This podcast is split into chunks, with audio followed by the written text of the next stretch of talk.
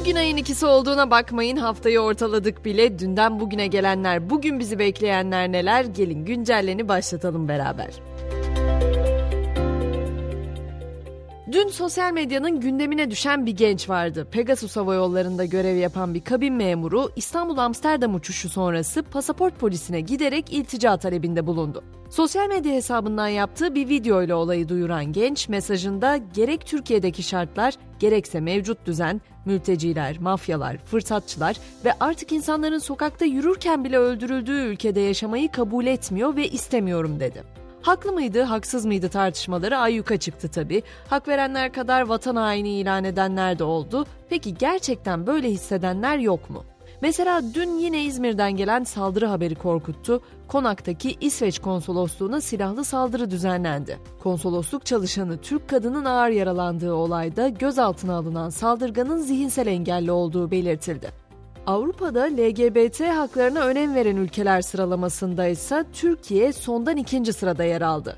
Azerbaycan'ın sondan birinci olduğu listenin ilk sıralarında ise Malta, Danimarka ve Belçika yer aldı. Ekonomi cephesine geçtiğimizde ise memurların gelecek 2 yıllık süreçteki zam taleplerinin görüşülmesine dün itibariyle başlandı.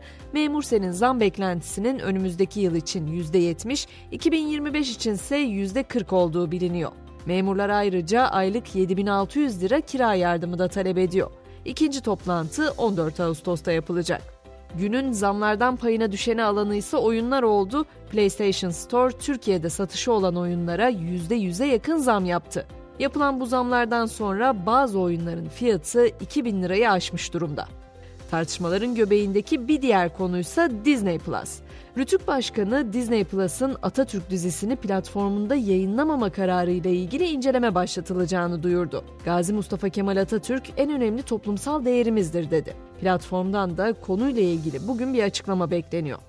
Bu sene belki de en çok konuştuğumuz konu sıcak hava dalgası da geri dönüyor. Türkiye bugünden itibaren yazın en sıcak günlerinin yaşanacağı Eyyam-ı Bahur'un etkisine girecek. Sıcaklıklar 40 derecenin üstüne çıkacak. Tabi sadece bize etkilemiyor bu konu. İran'da da aşırı sıcaklar nedeniyle bugün ve yarın ülke genelinde tüm kurumlar tatil edildi. Ülkede bugün bazı kentlerde hava sıcaklığının 51 dereceyi bulabileceği tahmin ediliyor.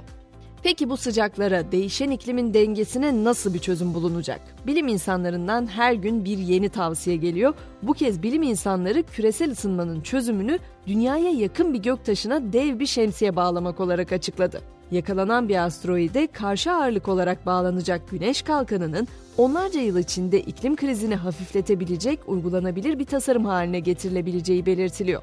Biraz da dünyanın bir diğer ucuna Meksika'ya gideceğiz. Orada da dikkat çekici bir karar var. Chihuahua bölgesinde müzisyenlerin kadına şiddeti özendiren ve kadın düşmanlığı içeren şarkılar söylemesi yasaklandı. Yasağı ihlal edenler 1 milyon 900 bin liraya kadar para cezası ödeyecek. Bir de geçtiğimiz günlerde Avustralya'da sahile vuran gizemli bir nesne vardı. Ucu sivri bir koni şeklindeki o nesnenin uzay enkazı olduğu belirlendi.